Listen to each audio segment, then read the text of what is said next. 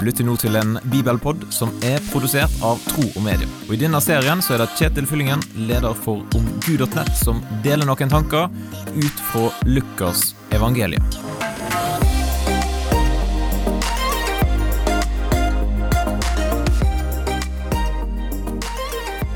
Når en går på en smell og møter utfordringer i livet, da er det ikke helt uvanlig at tvilen kommer krypende.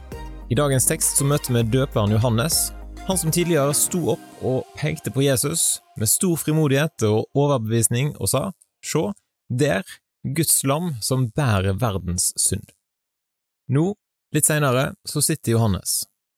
Pekefingeren den har sunket ned, og usikkerheten den gnager i tankene hans. For i evangeliet til Lukas kapittel 7 vers 18 til 23 så står det Johannes fikk høre om alt dette gjennom disiplene sine. Han kalte to av dem til seg og sendte dem til Herren for å spørre, Er du den som skal komme, eller skal vi vente en annen? Da mennene kom til Jesus, sa de, Døperen Johannes har sendt oss til deg og spør, Er du den som skal komme, eller skal vi vente en annen? Nettopp da helbredet Jesus mange for sykdommer og plager og onde ånder, og han ga mange blinde synet. Og han svarte dem, Gå og fortell Johannes hva dere har sett og hørt. Blinde ser, lamme går, spedalske renses, døve hører, døde står opp, og evangeliet forkynnes for fattige. Og salig er den som ikke faller fra på grunn av meg. Hva er det vi kan lære av dette, som kan være greit å tenke på når vi møter motstand og tvil?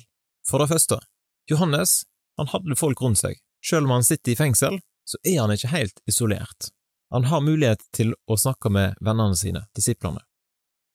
For oss så er det kanskje fristende å trekke seg tilbake fra fellesskapet når vi møter utfordringer i livet. Men Johannes, han kaller folk til seg. For det andre, Johannes deler om sin tvil og uro, og da å være åpen om de spørsmålene som vi har, om den tvilen som kommer, det tror jeg er viktig. Og for en som har en posisjon som leder, så er det veldig viktig. Så der kan vi jo bli inspirert av Johannes. For det tredje, de går til Jesus med spørsmålet, og de lytter til det Jesus har å si. Og det kan vi òg gjøre med våre spørsmål, med vår tvil. Gå til Jesus, lytte i Bibelen, hva er det Jesus har å si? Hva tenker du om denne teksten i Lukas kapittel 7? Som alltid så er du velkommen til å ta kontakt og dele dine tanker med meg.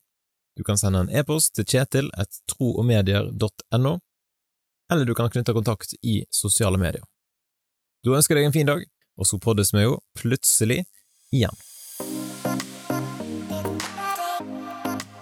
Takk for at du lytter gjennom denne bibelpodden, og vil du gi en tilbakemelding på det som du hørte, eller vil du lære mer om kristen tro, da kan du gå til nettsida omgud.nett, eller du kan sende en e-post til kjetil.